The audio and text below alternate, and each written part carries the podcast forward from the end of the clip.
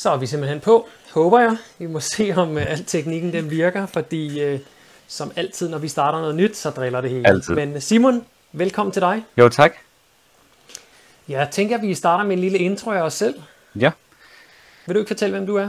Jamen, øh, mit navn er Simon Øbensen. Jeg er øh, klimaaktivist, dyrrettighedsaktivist, og så ved jeg en del omkring klima, miljø øh, og så dyrerettigheder, og går ret meget op i alskens solidaritet, solidaritet, solidaritet og øh, infrastruktur og så videre. Så jeg håber på, at vi kan give noget indsigt der.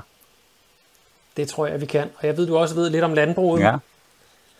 Jamen, øh, jeg hedder Michael Monberg. Jeg er 43 år, øh, ved at være en gammel mand, og øh, jeg har været i politik i en del år efterhånden. Inden da, der var jeg i IT, og øh, det jeg ved noget om, det er, ligesom øh, Simon, så er der også noget med dyrevelfærd, og ellers så er det øh, rigtig meget om klima og miljø. Så jeg tænker, at det bliver hovedvinklen her, og det er nok også derfor, vi har valgt det navn, vi har. Tror du ikke, Simon? Det er netop for at prøve at lige give en, øh, en skarp vinkel på, hvad end der kommer frem af nyheder og udmeldinger fra diverse meningsdannere, og se om vi ligesom kan give et perspektiv på, om vi ser på noget, der er egentlig grønne tiltaler forslag i medierne. Ja, og der er nok at være kritisk overfor. Vi har taget et par emner i dag, som jeg håber, I vil finde, eller jeg håber, vi håber, I vil finde det interessant derude.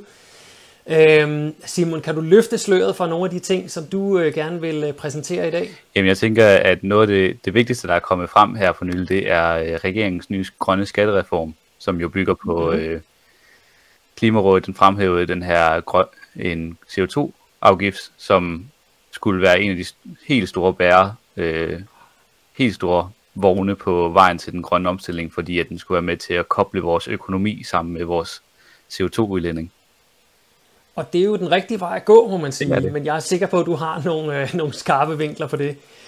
Øhm, jeg har lidt om øh, kalveeksport i Danmark, at det er altså det er stedet eksplosivt, og så skal vi kigge en lille smule på biogastiltag.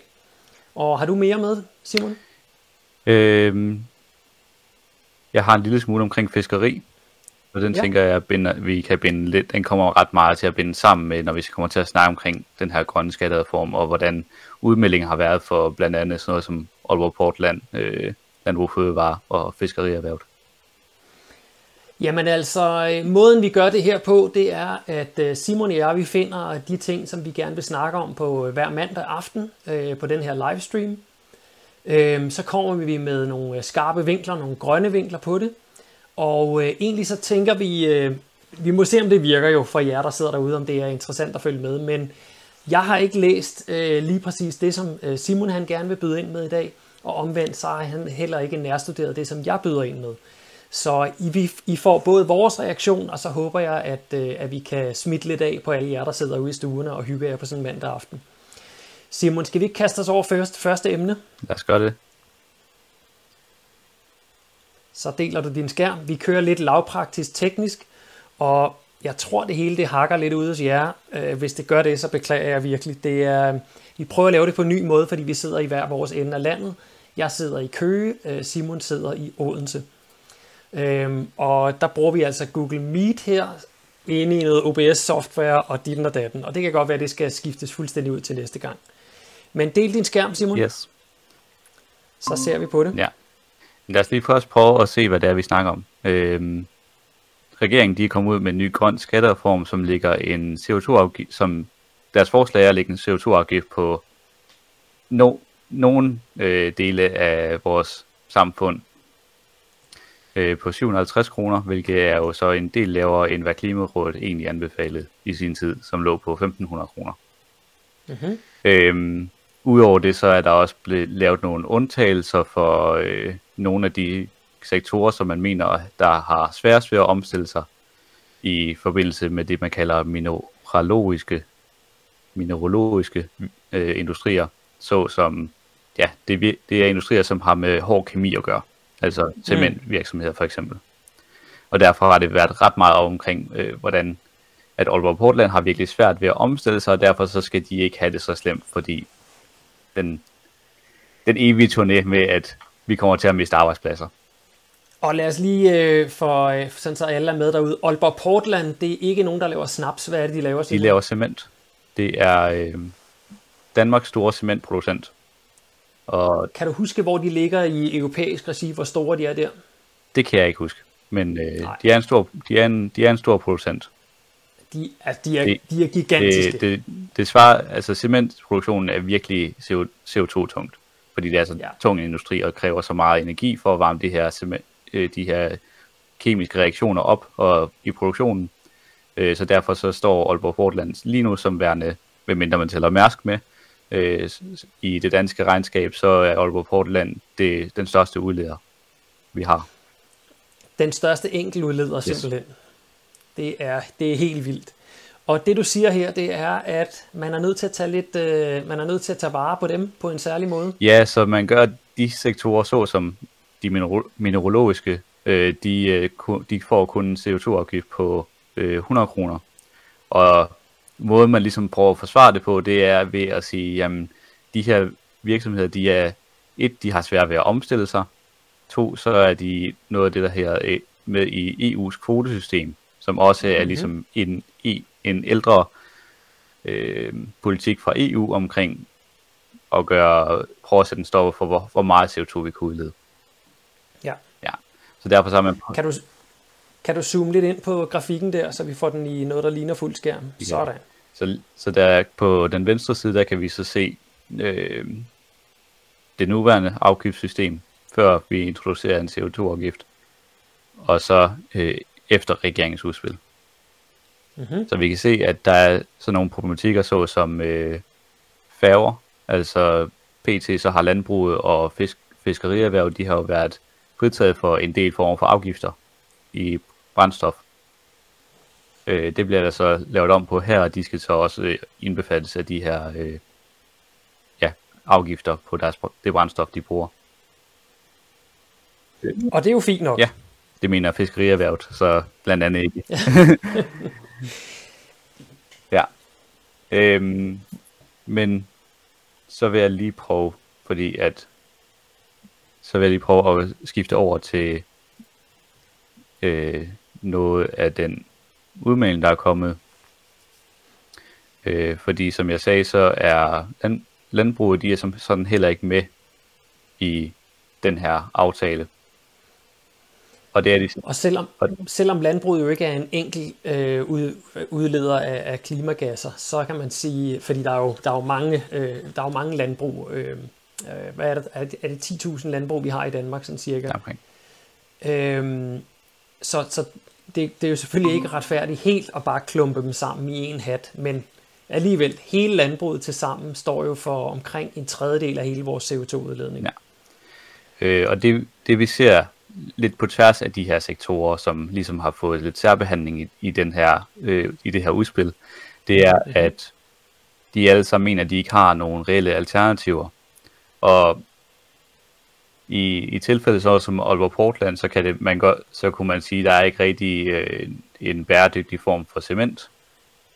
Øh, men, men så er ideen jo, at det, de her afgifter, de skal være med til at presse den innovative markeds, markedskraft, så at vi netop gør sådan noget som træbyggeri mere renta- økonomisk rentabel. Vi får øh, sådan noget som, øh, øh, hvad hedder det, musselin, øh, mursten, altså mursten gruet med svampe, og sådan noget gør det også meget mere rentabelt at begynde at prøve at opskale den form for produktion.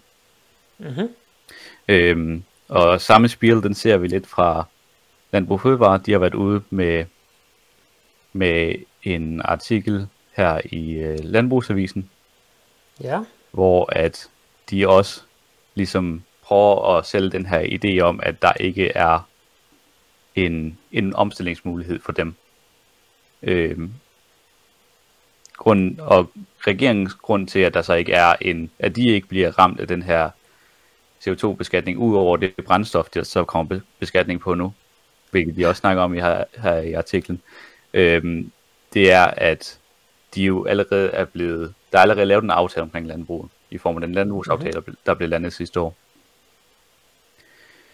Men i hvert fald så kommer landbruget til at skulle betale for de her, øh, de kommer til at koste på deres markdrift, altså på traktorer og sådan noget.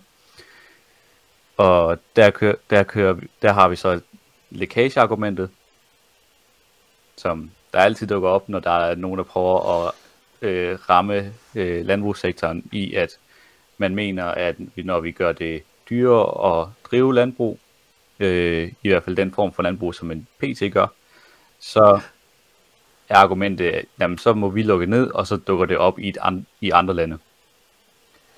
Og, det er klassikeren. Ja, og der, der har vi jo så, øh, øh, der har vi for eksempel nogle af øh, eksperterne for økonomisk råd, øh, som har været ude og ligesom sætte sætte fokus på, at den her lækageeffekt er meget mindre, end hvad der prøver at blive solgt i medierne. Mm. Øh, men så fordi, både fordi, at andre lande gør det, altså fortælling, fortællingen er, at, der, at Danmark gør det så meget bedre, så derfor så er det et kæmpe loss for klimaet, hvis det er, at, at virksomheder og industrien flytter ud af landet. Ja. Øhm, noget, hvilket ikke oftest ikke er tilfældet, så som i, lige præcis i tilfælde af Aalborg Portland, der er der flere af de øh, andre europæiske cementproducenter, som gør det bedre, fordi at Aalborg Portland baserer sig på noget, en anden form for kalksten, som skal, som skal bruge mere energi på at tørre, så derfor giver det dem nogle hårde, hårde mulighed, øh, nogle dårligere vilkår for at producere CO2-venligt. Så, så der vil vi faktisk gerne have det flyttet ud af landet, fordi de andre kan gøre det bedre I end os. I hvert fald sådan rent klimamæssigt. Ja. ja. Øhm, jeg snakkede på et tidspunkt med Lars Gården, som er øh, vismand i det økonomiske råd. Mm. Og øh, han, jeg, jeg har jo ikke været i debatten sammen med ham, han var jo også fuldstændig overbevist om, at det, den her lækagerate her, den er minimal. Altså, det er ikke sådan, at hvis man lukker en virksomhed ned i et land, så popper den bare op i et andet land. Øh, det, det er vores øh, økonomier på tværs af landene simpelthen ikke bundet stramt nok sammen til. Ja. Så den her lækagerate, den skal, altså, den skal vidderligt tage med, tages med et, et grænsalt. Ja. Og jo, det så... Alle andre lande i verden er jo også begyndt at sætte de her øh, ambitiøse klimamål, præcis ligesom mm. Danmark er. Så derfor så, de har jo ikke... Hvis du sidder som et andet land og nu tænker, Danmark de lukker ned for deres, øh, de lukker ned for 20 kæmpe grisefarme og fem øh, kvægfarme, så er det jo ikke fordi, at du tænker, det skal vi da have, fordi det kommer, til at, det kommer vi til at tjene en hulens masse penge på, og så kan vi ikke nå vores klimamål. Nej, fordi så, altså, de, de, alle skal skære ned, alle skal, skal rykke i en grøn øh, retning. Alle har jo, altså, de fleste lande har jo skrevet under på Paris-aftalen, så de er, jo, de er jo forpligtet på samme måde, som vi er. Så argumentet for, at hvis vi gør noget, der er grønt og miljørigtigt, så sviner de andre bare i stedet for. Det, det holder simpelthen ikke. Øh, de andre de er også bundet af de aftaler, som de har lavet. Lige præcis. Øhm, og så kommer den her, hvor de prøver at fremhæve de her ting i øh, lige præcis i landbrugsindustrien, som netop er svært at omstille, fordi at mm. man har bygget en industri op på den måde, som den ser ud i dag. Så de hæver frem med, at der er ingen alternativer til traktorer og store maskiner. og i, altså, ja, hvis du vil drive stort monokul- monokulturelt landbrug, så, mm. så ja, så er det meget svært ikke at bruge store traktorer. Øh, altså det kunne være sjovt, hvis de begyndte at læse deres egen avis faktisk, fordi nu læser jeg, øh, jeg følger faktisk med i både Landbrugsavisen og i det, der hedder Maskinbladet. Og Maskinbladet, de slår rigtig meget lige nu på de første øh, el-traktorer, der begynder at komme på markedet. Okay. Og de er altså ikke små, kan jeg lige hilse dig at sige. Det er kæmpe store maskiner, der sagtens kan køre en hel dag. Mm. Udover. Så argumentet holder altså ikke helt der. Udover det, så har jeg også øh, jeg er også, øh, jeg gør, gør mig ret meget inden for øh, automation og robotteknologi. Det er mm-hmm. det, jeg studerer. Øh, så derfor så har jeg fulgt lidt med på øh, nogle af forskningsinstitutterne i Aarhus, som netop arbejder med modernisering af landbruget. Øh, og der har de lavet sådan en, øh, en noget mindre maskine, svarer til cirka tre personer i, sådan, i omfang, der står ved siden af øh, som kan automatisere ret meget af at lave meget mere præcise indgreb på, på jorden, når man pløjer marker og sår og så videre. Øh, mm. Hvilket både er meget mere effektivt rent brændstofmæssigt, fordi du skal ikke bruge særlig, du flytter ikke lige, lige så meget masse, så derfor så er den mere effektiv.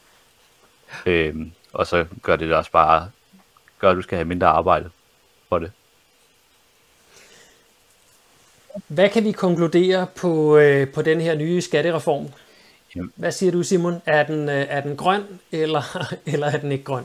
Jamen, det, altså, Jeppe Brugs sagde det faktisk rigtig fint. Mm-hmm. Øh, altså vores, nye, vores øh, nyeste skatteminister. Øh, at det her det er faktisk det mest ambitiøse udspil, som regeringen er kommet med indtil videre. Mm. Den det er jo ikke op til, hvad, hvad der skal til for, at vi når i mål med vores 2030-mål, og den, den, den gør ikke, hvad Klimarådet har anbefalet, og heller ikke borgertinget.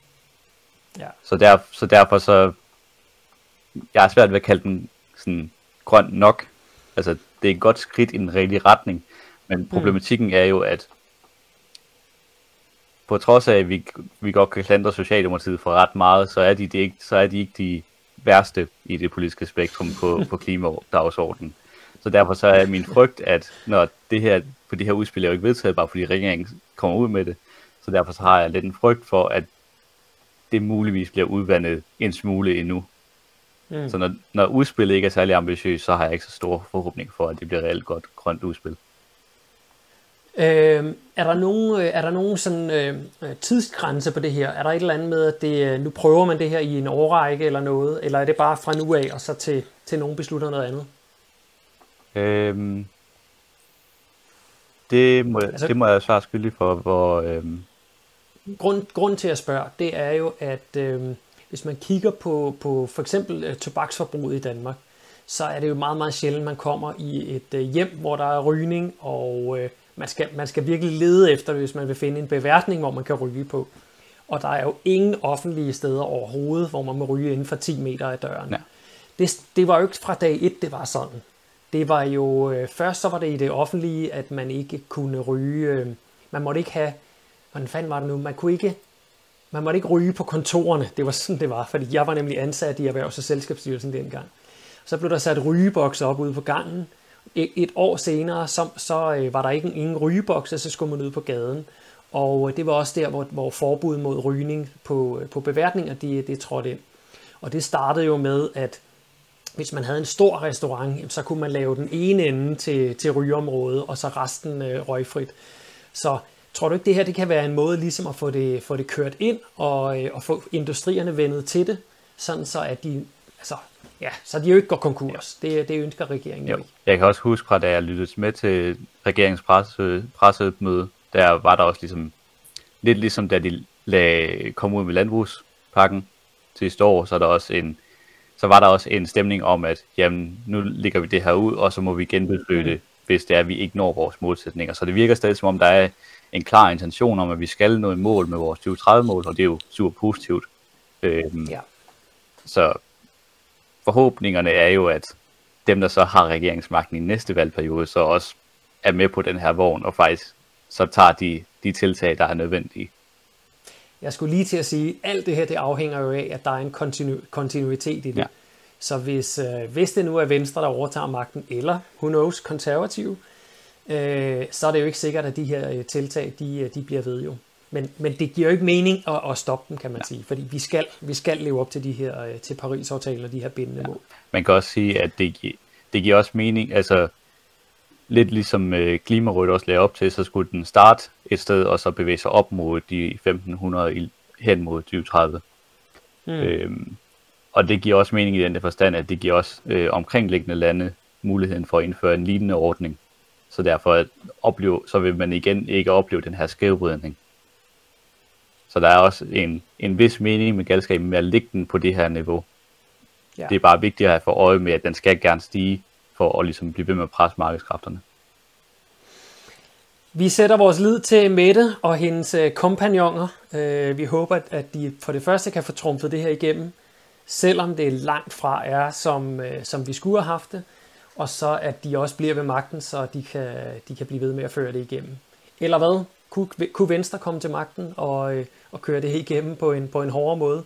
Hvad har de sagt over, på, øh, over i, øh, i modstandspartierne, skulle jeg til at kalde dem, Jamen, øh, i oppositionen? Jamen, det er sjovt. Øh, altså, Liberal Alliance, de har jo faktisk lige været ude med deres udspil, som jeg desværre ikke har haft mulighed for at læse i aften. Øh, Mhm. mm-hmm. Men de mener simpelthen, at de nu er det, det grønneste parti på, på borgen. øhm, Ah, fantastisk. altså, øhm, Og det, det kører meget på, at de holder fast i øh, 2030-målene Ja. øh, og reduktioner herhjemme, og så ligger de rigtig meget fast på, hvad Danmark sådan kan bidrage med internationalt. Mm. Og det, det er egentlig lidt, altså, det er jo en af de ting, hvor at det vil være positivt, sådan, hvis du bare ser på det. Fordi ja, det er super, at Danmark kan bruge de innovative kræfter, vi har her i landet, til ligesom at bringe de, nogle af de løsninger til, til øh, den globale klimakrise. Mm. Problematikken er jo bare, at der er en tendens til, når vi begynder at snakke det globale billede på, på klimaløsninger, så er det altid med den der sådan koordination af, hvor lille en del Danmark er i selve CO2-budgettet, og derfor så kommer det sådan, ja, så behøver vi ikke at gøre noget som helst i Danmark. Altså, jeg har en god idé til Alex Vanopslag. Hver gang vi sælger en vindmølle til øh, udlandet, så skal det selvfølgelig regnes med i øh, Danmarks positive klimabidrag, fordi det er jo noget, vi har lavet jo. Så det, det kunne være en måde, at, øh, at man kunne se sig selv som, som det grønneste parti på borgen. Ja, og ud fra deres udmeldinger, så er det også lidt der for, for i øh, for ud af det, uden at have læst det i dybden. Ja. øhm, vi må se. Det, det kan være, at vi har det med næste gang.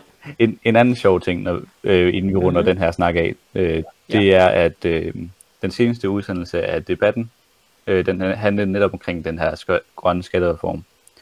Okay. Ja, og øh, i løbet af debatten, så har de en, øh, en repræsentant for fisk- fiskerierhvervet med ind. Mm. Øh, og jeg hæftede mig ved en øh, specifik kommentar om, at i 2030, så mente de, at fordi de er, arbejder så hårdt på at være med i den her grønne omstilling, så vil mm. de i 2030 være de eneste, som kan øh, levere et CO2-neutralt øh, protein til det danske fødevaremarked. Bum. CO2-neutralt simpelthen, ja. ved at sætte nogle kæmpe fiskekutter ud og flå havbunden op for at fange nogle fisk. Ja.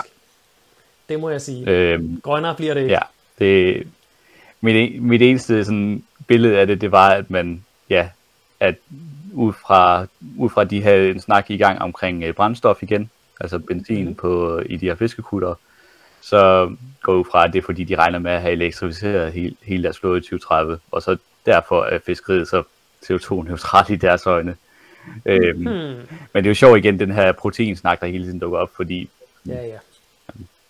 Så nu har jeg også lige set, at der er en gruppe af landmænd her i Danmark, som prøver sig med, med sojaproduktion i Danmark.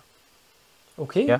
spændende. Ligesom at der er nogen, der øh, sidste år påbegyndte øh, kikærter, og den for nogle år tilbage også med quinoa på Lolland. Øh, så er der nogen, som nu er, man har afledt øh, nogle øh, sorter, som er lidt mere, øh, der kan begære sig lidt mere, bedre i det, i det danske landskab. Så derfor så selv sojaproduktion kan vi måske endda få herhjemme vi krydser fingre. Men, Men øh, protein fra fisk, det er altså ingen nødvendighed, bare lige til, Nej. hvis I skulle være i tvivl derude. Skulle vi køre videre med, øh, med øh, dit fiskeindslag, eller må jeg lige bryde ind omkring biogas, Simon? Jamen, det var faktisk det, jeg har bragt der. Okay. Jamen, øh, så, øh, så er der jo kommet en, øh, et udspil fra... Øh, oh, nu skal vi se her. Oh. så begynder teknikken. Øh, nu skal vi se her. Jeg skal lige få den til at dele af skærmen. To sekunder. Og, uh, da, da, men det kommer til at fungere, så altså, det er jo ikke fordi, at vi behøver at producere soja herhjemme, når vi, når vi snakker øh, bæredygtig protein til, til danskerne. Der er rigeligt med ærter, øh, hvede har egentlig relativt meget protein, når vi snakker sådan helhedsbillede. Vi altså hestebønder, der er gule er mange forskellige ærtesorter, som vi egentlig gerne skulle have tilbage til Danmark også, som vi før ikke har produceret. Så der er, der er rigeligt at komme efter, og det bringer os til, at der er masser af omstillingsmuligheder for, hvad landbruget kan producere. Det handler bare om, at man tænker fødevare som en helhed, i stedet for, at man tænker, nu skal kød være CO2-neutralt. Ja. Fordi det, er, det kommer ikke til at ske. Ikke? Nej, det kommer an på, fordi det ser ud som om, at redningen den kommer fra biogas. Nej, det gør den ikke. Okay. Øhm, det, det bliver nogle gange brugt som, at så kan man glemme, hvor meget øh, øh, kødproduktionen udleder, fordi affaldsstofferne, dem kan vi jo bruge i biogas. Og øh, det er en af de ting, der kommer ud i den her uge her, det er SF og øh, Venstre, de går altså sammen om et biogasudspil. Og øh, ja, det er jo altså helt fra, fra højrefløjen til, øh, til venstrefløjen. Og de vil simpelthen have, at 100% af dansk biogas, det skal udgøres, eller undskyld, 100% af Danmarks gas øh, skal komme fra biogas inden år 2028. Øh, biogasbranchen, de siger selvfølgelig, yeah, det er vi fuldstændig med på. Og ja, det tror jeg, at hvem som helst vil sige, hvis, hvis øh, man lige pludselig pegede på deres branche som, øh, som, som livredderne for det hele. Selvfølgelig. Øhm, det, det, det altså handler om, det er, at vi skal være uafhængige af russisk gas i løbet af de næste fem år. Øh, den tager vi lige igen. Vi skal være uafhængige af russisk gas i løbet af de næste fem år. Men vi skal først køre 100% biogas i 2028. Så man skal lige holde de der ting for øje der. Så man vil åbenbart over på dansk, norsk, øh, noget, noget andet øh, naturgas i mellemtiden. Eller måske amerikansk for den sags skyld. Ja. Øhm, Biogas Danmark og hele branchen, de giver selvfølgelig fuld opbakning, fordi der er masser og masser af penge i det. Øhm, så vores, vores biogasproduktion, den skal altså svare til det gasforbrug, øh, som vi har i hele landet i øh, 2027-2028. Og det er selvfølgelig en markant forøgelse af biogassen. Øhm, det, er, det, det er simpelthen så ambitiøst, så jeg kan tvivle rigtig, rigtig grundigt på, om man nogensinde vil nå det. Der er nemlig nogle problematikker ved biogas.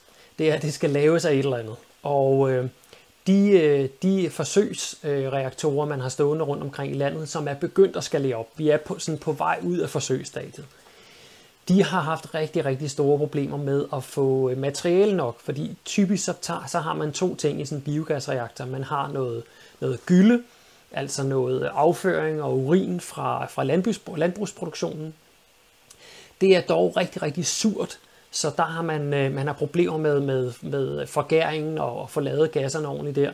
Så man tilfører noget, øh, noget nitratrigt, det vil sige nogle plantemateriale, noget, noget plantemateriale til det her. Undskyld, CO2-rigt skal det være. Øh, kulstofrigt. Og det er plantemateriale, man putter i der, fordi øh, dyregylden den er åbenbart fyldt med, med nitrater. Man skal også have noget kulstof. Ja. Øhm, og der er det altså bare sådan i Danmark, at vi bruger praktisk taget al vores øh, produktion, altså al vores landbrugsproduktion, enten til at fodre svinene med, eller til at opvarme deres stalle. Det, det er sådan set det, vores øh, landbrugsproduktion den går til. Så er der en lille smule til mennesker og lidt til køer og sådan noget ved, ved siden af os. Øh, og vi har slet ikke nok, vi importerer så en masse soja fra Sydamerika, men den historie, den kender I sikkert godt. Nej, udfordringen her, det er altså, at der er ikke flere marker at komme efter i Danmark, fordi vi har ikke mere natur, man kan fælde. Øh, alligevel så vil man altså skalere voldsomt op på naturgassen, selvom det er rigtig, rigtig svært at, øh, at skaffe det her kulstofholdige øh, øh materiale, der skal bruges. Øhm, og altså noget af det, der, der ligesom øh, lugter lidt for mig i den her biogas her, nu tager jeg lige den sidste sætning og læser højt her. Det danske biogasproduktion svarer aktuelt til 25% af gasforbruget.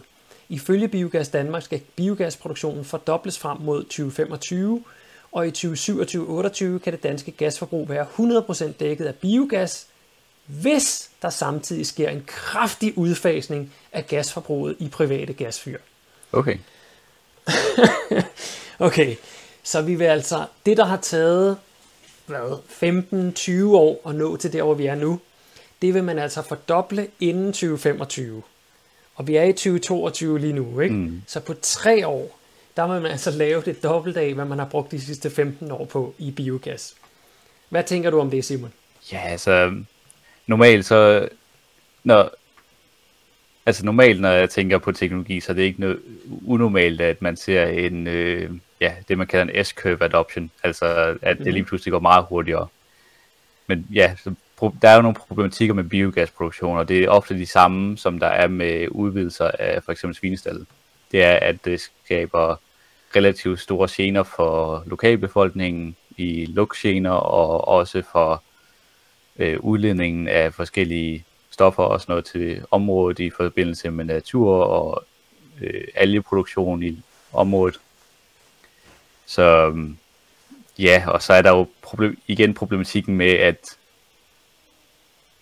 biogas kan, kan, kan være en del af løsningen i den forstand, hvis mm. det bare vi faktisk brugt primært planter til at producere det.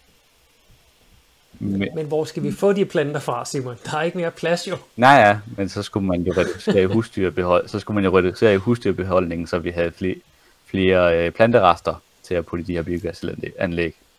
Lige præcis, og det er overhovedet ikke en del af det her udspil her.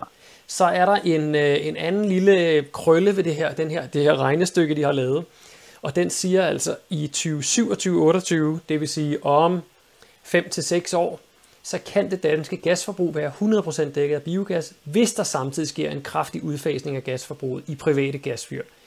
Hvis jeg lige prøver at, at omskrive det på en lidt anden måde, så betyder det altså, at inden for 5 år, så kan vi køre 100% biogas, hvis vi lader, med at, lader være med at bruge gas i hjemmene. Ja. Øhm, så, så der tager man jo en, en ting ind, som er, som er for det første fuldstændig uden for det her udspil her. Altså man er afhængig af, at de private udfaser deres gasforbrug. Og øh, der skal man jo have kigget på i det hele taget, de gasfyr, der er rundt omkring mm. i Danmark. Det kan godt være, at de er relativt dyre lige nu, fordi gassen er steget. Men folk vil jo også gerne afskrive dem. Hvis de skal ud og betale 40, 50, 60.000 for et nyt jordvarmeanlæg eller en, øh, en varmepumpe eller noget mm. af den stil, så skal, så, så skal det, det, deres gamle gasfyr, det skal jo altså også have betalt sig hjem først. Så hvad tænker du om sådan en kreativ matematik der? Altså, den er jo kreativ, men der, der, er, en smule, der er jo en smule hold, hold i virkeligheden, fordi øh, jeg tror, det var lige omkring samtidig, som den her øh, udmelding omkring skattereformen kom ud, der har der også kommet ud med en, en ny målsætning omkring netop for at få omstillet en hel masse øh, private hjem til, til at få varmepumpe, og så mener at de har udvidet øh, scope for, hvor mange øh, husstande, der skal omfattes af fjernvarme. Så man sætter altså skub på den her omstilling.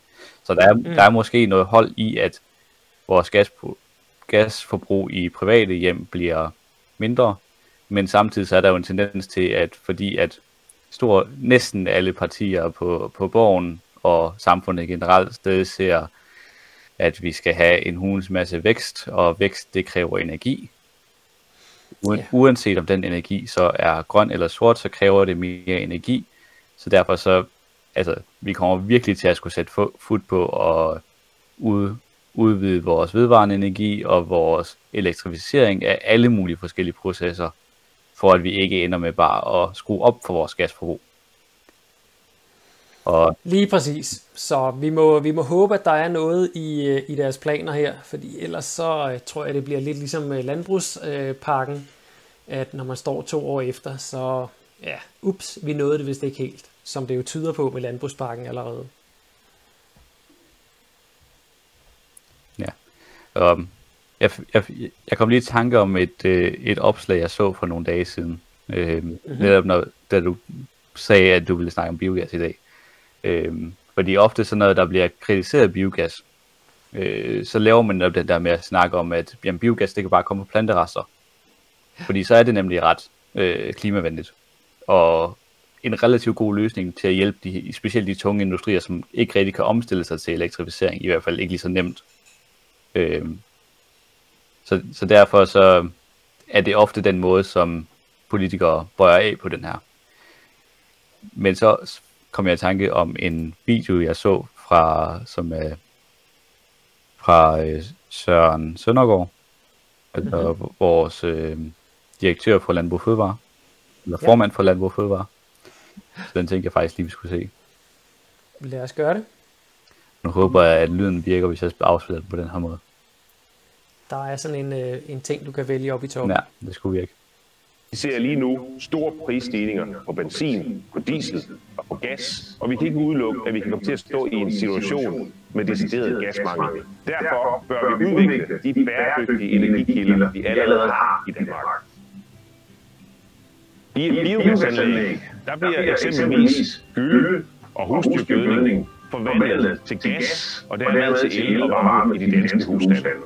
Vi er i en tid, hvor nogen taler om at reducere den animalske produktion, og i stedet lade foderkornene flyde ud på verdensmarkedet.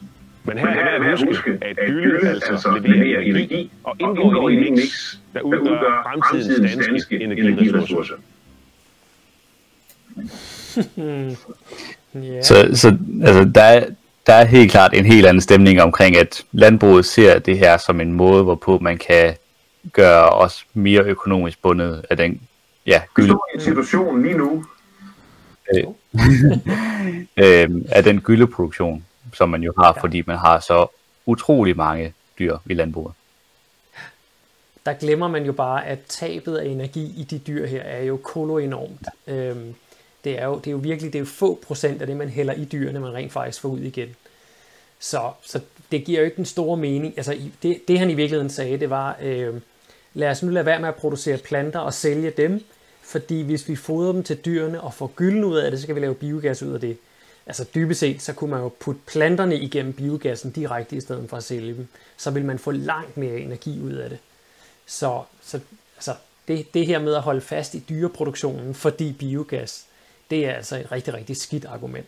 Og så, og så nåede han også komme lidt ind på det her, det er fordi den her video, den, den er fra et par uger tilbage, hvor, man, sted, hvor man stadig snakker ret meget om Ukraine, selvom det er ved at fade lidt ud, øh, i hvert fald omkring de her øh, forsyningsproblematikker, der er omkring Ukraine. Det, den debat er at fade lidt ud igen. Øh, Mhm.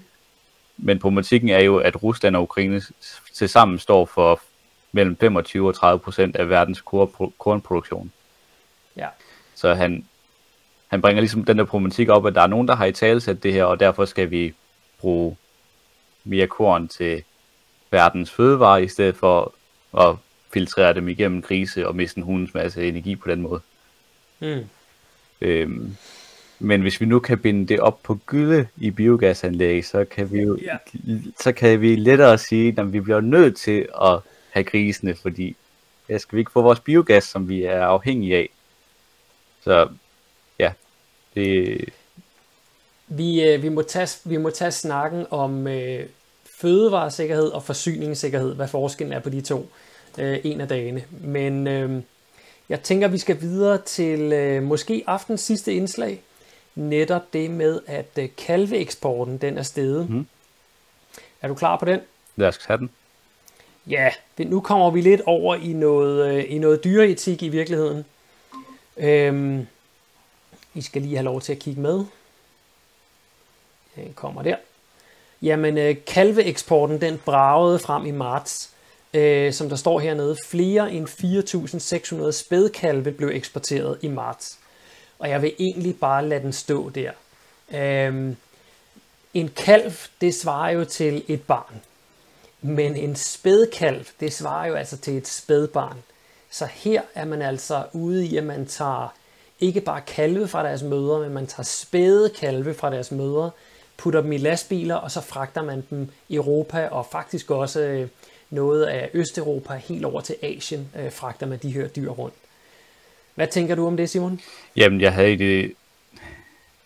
Altså, jeg er mildest talt skuffet, fordi jeg, er lidt, jeg havde håbet på, at man i det mindste ville stoppe med at eksportere så mange øh, meget unge kalve, nu hvor at der var taget initiativer til at stoppe den her, de her sødmælkskalve, vi kender fra eksporten til Holland, Mm. øh, ved at prøve at lave noget, ja, nogle lignende foderstationer herhjemme. Øh, så de mindst ikke, øh, ikke skulle transporteres. Men øh, de kan altså se, at man har fundet nye markeder at sende dem til. Simon, du har jo noget øh, ind- indsigt i, øh, i mælkeindustrien. Kan du ikke lige fortælle mig, hvor, hvorfor har man alle de kalve her, der, der bliver sendt rundt? Ja, øhm, og det, er det er simpelthen fordi, at øh, for at en ko den skal producere mælk, så i hvert fald de mængder af mælk, man ønsker, at den skal producere, så skal den gerne have kalve med jævne mellemrum. Og en ko, den er altså den er gravid, drægtig, øh, lige så lang tid som vi mennesker er, cirka 9 måneder. Øhm, så det er den får, når den efter 9 måneder får en kalv, så spiker dens øh, mælkeproduktion, og derfor hvis, og så skal man så have en ny kald ind, så den igen kan spike om, ja, cirka 10-12 måneder igen. Mm. Øh, Så man gør den, man, man, øh, man inseminerer den efter en, et, et par måneder, ikke? Sådan to-tre måneder. ja, jeg kan ikke hus- huske den helt præcise rytme, men det det er cirka en kald om året. Øhm, og ligesom mennesker, så kom, er der jo også øh, to, øh, der, så kommer der jo også både hankalve og hundkalve, mm-hmm. og tyrekalve og kokalve. Øhm, og man har ikke særlig meget, man kan bruge tyrekalve til i, i produ- som produktionsdyr. Så øh, det man gør, det er, at man kan enten sende de her tyrkalve afsted til at blive slagtet relativt tidligt som øh, kalvekød. Øh, eller man kan sende dem til en foder, øh, foderstation, hvor de så bliver opfødt til noget kødkvæg. Øh, ofte så er det forskellige raser, så det er meget ofte, at øh, kalvekød, det, eller kalvene bliver slået ihjel meget tidligt. Netop for kalvekød. Og så er der så også det her, de her sødmælkskalve, og tydeligvis også en masse spædkalve, som bliver eksporteret.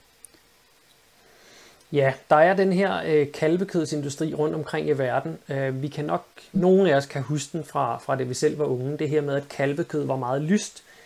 Øh, hvis du går ned og finder kalvekød i et supermarked i dag, så er det ikke rigtig lyst længere. Øh, det er stort set lige så rødt som, øh, som almindelig oksekød. Øh, og det er fordi herhjemme, der er det altså ikke tilladt at, øh, at fodre kalven på en måde, så de blandt andet får jernmangel og, og altså mineralmangel øh, Øh, som gør, at kødet bliver lyst. Men det må man altså stadigvæk i visse lande i Europa. Og derfor så har man den her relativt store eksport ud af Danmark til nogle af de lande, så man kan producere det her lyse kalvekød, som åbenbart er meget eftertragtet i øh, store dele af verden. Øh, og så gar vel også herhjemme, kunne jeg forestille mig. Jeg ved i hvert fald, at i Holland, der har man altså stadig det her med, at man holder, ja, man, hvad kan man sige, man fejler nær de her kalve her, sådan så kødet det bliver lysere. Øhm, ja, og man kan jo... De får, bland, man kan, ja, de får blandt andet blodmangel og sådan nogle ting undervejs, men skide være med det, det giver lyskød. Ja, altså det er jo lidt ligesom, øh, man kan ernære dyr på en helt specifik måde for at få et helt specifikt produkt. Det, det her, det minder meget om for gras, men for kalve. Hmm. Altså du, får, du, du fodrer nogle dyr på helt øh, forkerte vilkår, for at få et meget specifikt produkt ud af det. Og det er vi altså store leverandør af spædkalve til her i Danmark. Så der er der endnu en, øh, en ting, vi kan være stolte af som, som borgere i det ganske danske land.